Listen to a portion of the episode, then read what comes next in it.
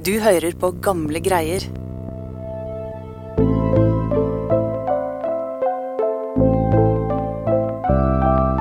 I 1944 gjorde den norske motstandsgruppen Exu en avtale med en avhopper fra tyskernes rekker. De lovet å frakte avhopperen, en estlender ved navn Harry, over til Sverige. Til gjengjeld skulle han skaffe topphemmelige bilder av tyske anlegg. Den 13. august stjal Harry fotografiene, hoppet på tog og gikk av ved Verma stasjon og gjorde seg klar til den første fluktetappen opp i fjellene med en Exu-agent. Men fortsatt var Exu-ledelsen delt i synet på om Harry virkelig var en avhopper eller en tysk spion som nettopp hadde infiltrert Exu. De neste ukene skulle bli mye mer dramatisk enn det Harry og Exu var forberedt på.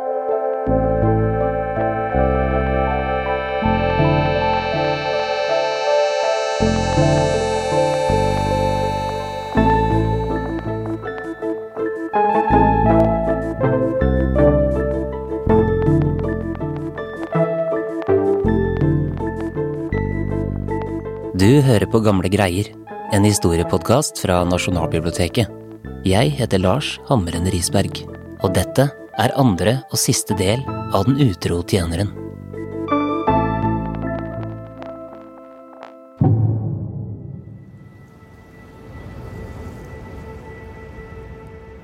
Da Harry gikk av toget, så hadde han skifta til eh, fjellsko og typisk norsk eh, turtøy, og er klar for å begynne å gå.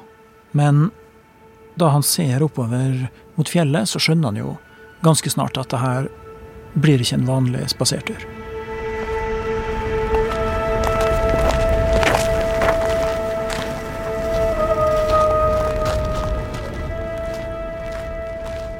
Den første delen av eh, flukta mot Sverige, oppover i de store Romsdalsfjellene, blir et sjokk for Harry. Anders Kvernberg, spesialbibliotekar ved Kartsenteret på Nasjonalbiblioteket. Han er ikke fjellvant. Det største fjellet i Estland er 300 meter, og han sliter veldig med å holde tempoet. Og han veit jo heller ikke at det her er bare begynnelsen. De skal gå flere hundre kilometer før de er framme med svenskegrensa. Men det er jo ikke sikkert at de kommer så langt i det hele tatt. For det er en omfattende operasjon som skal foregå i flere dager, og de må unngå å bli sett, og de må unngå å vekke mistanke. Og hvis, eller når, tyveriet blir oppdaga, så kommer alt til å bli enda vanskeligere. Og det er jo akkurat det som eh, skjer, Anders, for etter hvert oppdager tyskerne på Åndalsnes at kartene er stjålet, og at det er Harry som har tatt dem. Da går alarmen. Ja, og det blir en stor mobilisering.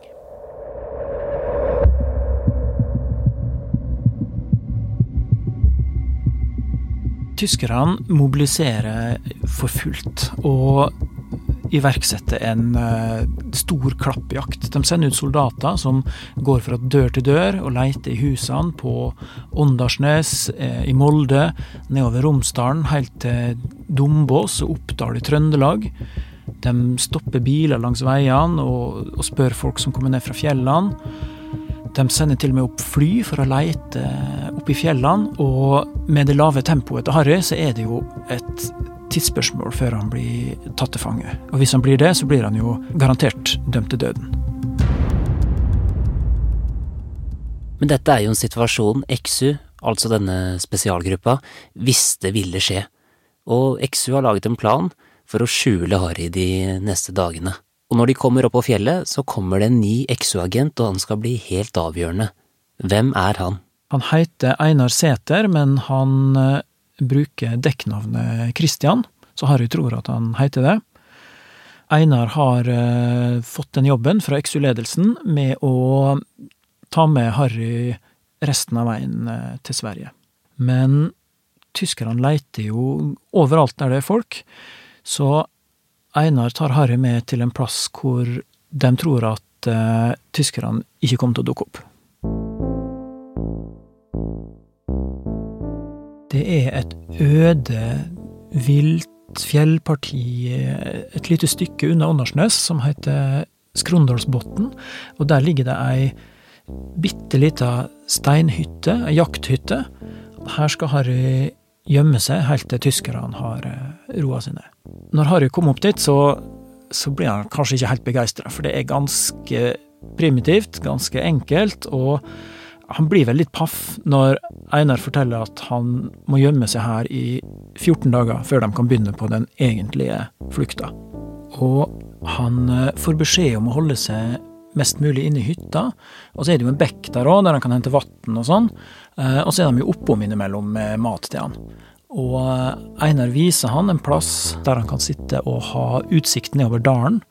Eh, og følge med om det kommer noen. For hvis tyskerne kommer oppover mot fjellet, så, så ser han dem derfra. Og stort mer sier ikke Einar til Harry, og det skyldes en spesiell grunn. Nei, han har jo fått streng beskjed fra XU-ledelsen om å ikke stole for mye på Harry. Så han sier ikke så mye mer, han bare sier at han kommer tilbake om 14 dager. Og så forlater han Harry i den lille steinhytta oppe på høyfjellet. Det går flere dager nå, Anders, og det kommer ingen tyske soldater eller mistenkelige personer opp på denne steinhytta, så det ser jo da ut til at XUs plan har eh, fungert? Det, ja, det gjør det. Det ser ut som XU har greid å lure tyskerne, men etter at det har gått ei ukes tid, så skjer det noe.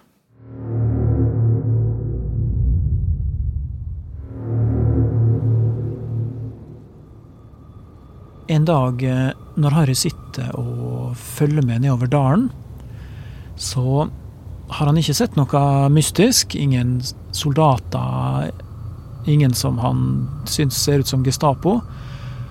Men plutselig så hører han en merkelig lyd. Den er først langt unna. Så kommer den nærmere og nærmere og blir høyere og høyere.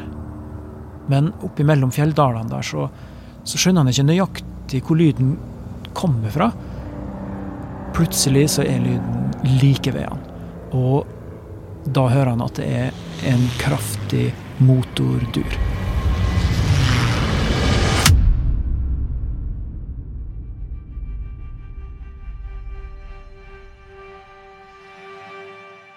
Det er et tysk fly som kommer, som går i lav høyde over terrenget. Og dersom Harry sitter, så er han veldig utsatt midt oppå snaufjellet der. Det er ingen plass å gjemme seg. Han rekker ikke å springe tilbake til hytta, og flyet kommer rett mot han. Han må gjøre noe, han kan ikke bare stå der. Og plutselig så oppdager han et sånt lite kratt av fjellbjørk eh, like ved. Og Harry skynder seg alt han kan bort dit, stuper inn i krattet og ligger så stille som mulig. Like etterpå så går flyet rett over han og fortsetter nedover dalen.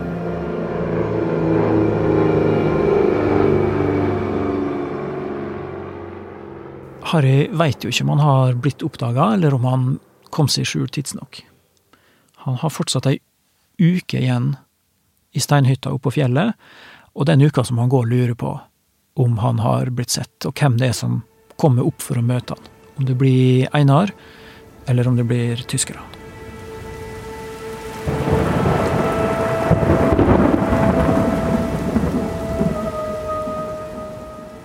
Heldigvis er det kun Einar som dukker opp etter 14 dager. Sammen begynner de nå på den lange ferden mot Sverige. Einar skal som sagt ikke stole på Harry under operasjonen.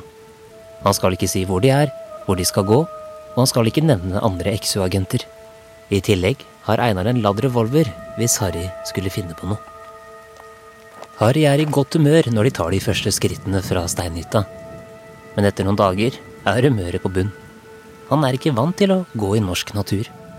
Heldigvis får han en positiv overraskelse når Einar sier at de en dag skal kjøre bil for å spare på kreftene.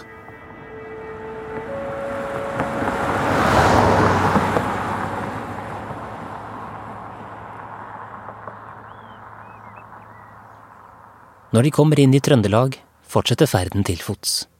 Men nå er Harry utslitt. Det går på siste verset. Når de går i tog og fjellet i Trøndelag, så stopper det helt opp for Harry.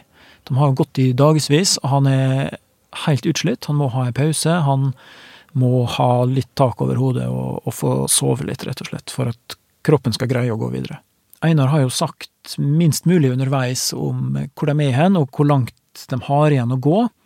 Men nå oppmuntrer han eh, Harry og sier at de nærmer seg seter, og der er det trygt, og de kan få sove ei hel natt. Og etter en stund så kommer de eh, ned på tunet, og da ser Einar noe som er veldig alvorlig.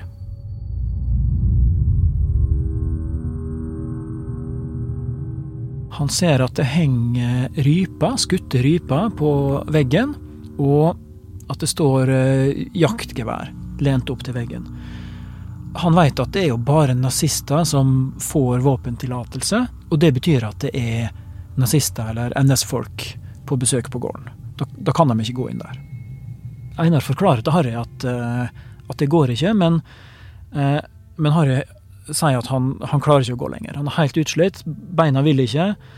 Han, et, uh, han, han, er jo kledd ut som en nordmann, og han har jo et norsk pass, så, så det kan jo hende at det går bra. Men Einar veit jo det at sjøl om han har det passet, så han kan jo ikke et ord norsk. Harry, han kan ikke engang uttale det navnet i passet. Så hvis det blir noen som helst spørsmål der inne, så er de jo avslørt med en gang. Likevel så insisterer Harry på at de skal gå inn, og da blir Einar mistenksom. Ja, det er jo merkelig, fordi hvis, hvis det er ei felle, så ville jo det her vært den perfekte plassen å ha den fella. Men samtidig så er jo ikke Harry en fjellklatrer, og han har jo gått i dagevis. Han veit ikke hvor han er, han vet ikke hvor lenge det er igjen. Så det er jo sannsynlig at han bare rett og slett er helt mentalt nedbrutt. Men det er vel Einar som er eh, sjefen her, Anders. Han kjenner jo terrenget, og ikke minst så har han en ladd revolver, så Harry må vel bare gjøre som han sier? Ja, han må jo det. De kan rett og slett ikke overnatte på gården. Um, men Einar får han ikke med seg videre, og de har jo flere harde etapper igjen før de er framme. Og det er da Einar finne ut at nå er det på tide å, å være, litt, være, litt, kreativ, da, for å si det forsiktig.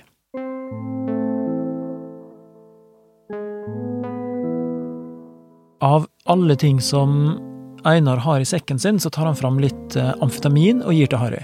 Hvorfor har Einar med seg amfetamin? Han, han var jo ingen dopselger, liksom. På den tida så var det ganske vanlig i, i militæret. De kalte det fenedrin, men, men, det var akkurat det samme. Og det, det var ikke et ulovlig rusmiddel, det var en, et taktisk hjelpemiddel. Det funka i hvert fall veldig bra på Harry. Plutselig så har han masse energi, og de går videre hele natta. De går en uke til sammen, Anders, og snart har de lagt bak seg 250 km. Store deler til eh, fots, og i løpet av disse dagene har den anspente stemningen blitt mer avslappa mellom XU-agenten Einar og avhopperen eh, Harry. Den har det. Mm, det virker som Einar eh, mer og mer tror på Harry sin versjon av hvem han er, og hvorfor han vil komme seg vekk. For snart så skjer det noe som gjør veldig inntrykk på Einar.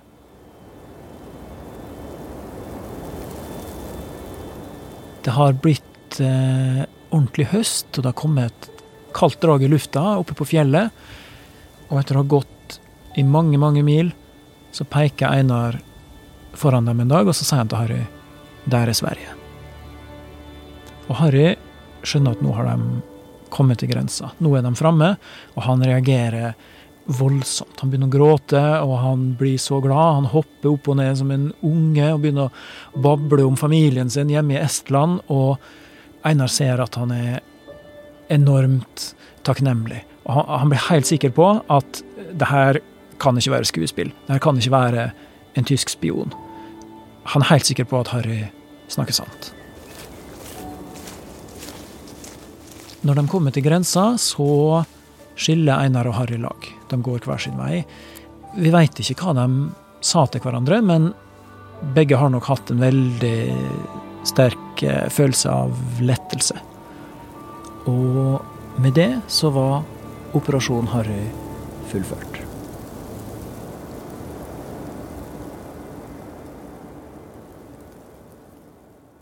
Og det hadde jo vært en perfekt slutt på en så spennende historie, men slik skulle det ikke gå for i oktober samme år skjedde noe som førte til at saken tok en dramatisk vending. Ja, dessverre.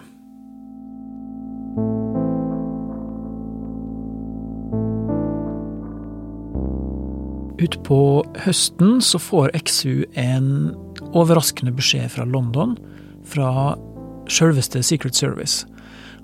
Og de får vite at Harry ikke er en avhopper, Harry er en tysk spion.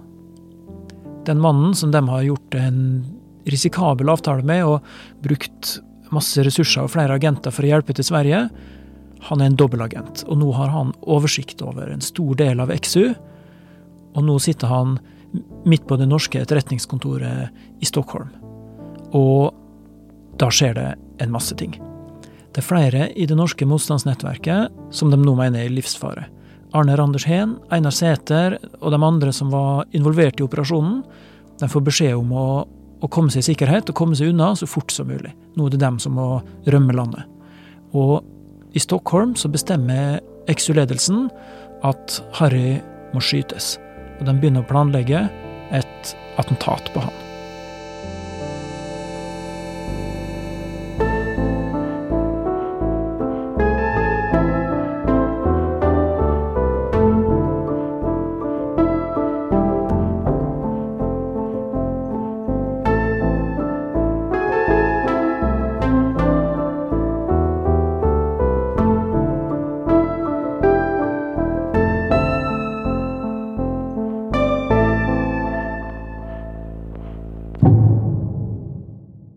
Men hjemme i Norge så var det noen som stusset veldig. Kunne dette stemme? Nei, de er overbevist om at det her er feil. Det kan ikke stemme. Og heldigvis så har de òg noe skriftlig som de kan vise fram til London. De har fortsatt kopien av dagboka til Harry, og når det som står der sammenlignes med innholdet i det varselet, så, så gir det ikke mening. For varselet fra London er at eh, Harry hadde kjempet i den spanske borgerkrigen, der han skal ha vært etterretningsagent for Francos styrker i 1936, men da ville jo Harry, som er født i 1921, vært 15 år.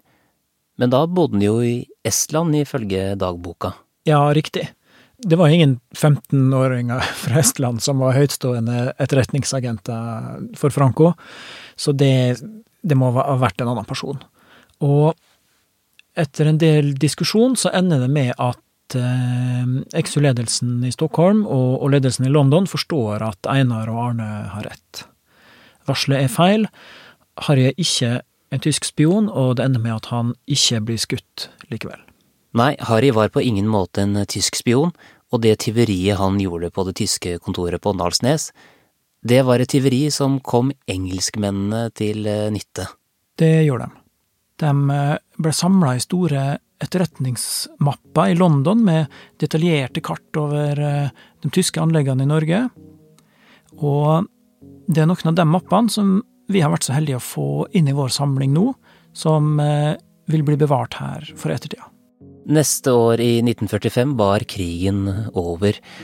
Og Harry, på tross av sitt bidrag, fikk aldri noen anerkjennelse fra Norge i etterkant. Men uh, Harrys liv uh, gikk videre. Det gjorde det. Han slo seg ned i Sverige, blei kommuneingeniør i Lidkjøping, uh, og jobba der til han døde i 1979. Einar Sæther traff han på 70-tallet, og da fortalte han at han var livredd for å bli kidnappa av russere og, og tatt med tilbake til Sovjetunionen. Så det kan jo hende at han opplevde et eller annet hjemme i Estland som var enda mer krevende enn eh, denne store operasjonen med den hemmelige mappa i Norge.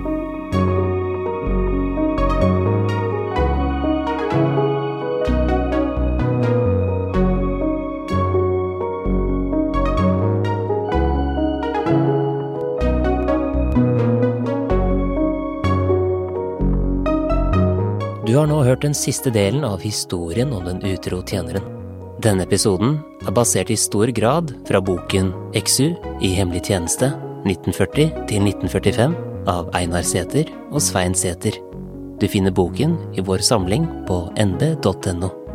Musikken du hørte i denne episoden, er fra Epidemic Sound og Therese Aune. Du finner mer av Thereses musikk på thereseaune.com, eller der du strømmer musikk til vanlig. Mitt navn er Lars Hammeren Risberg. På gjenhør.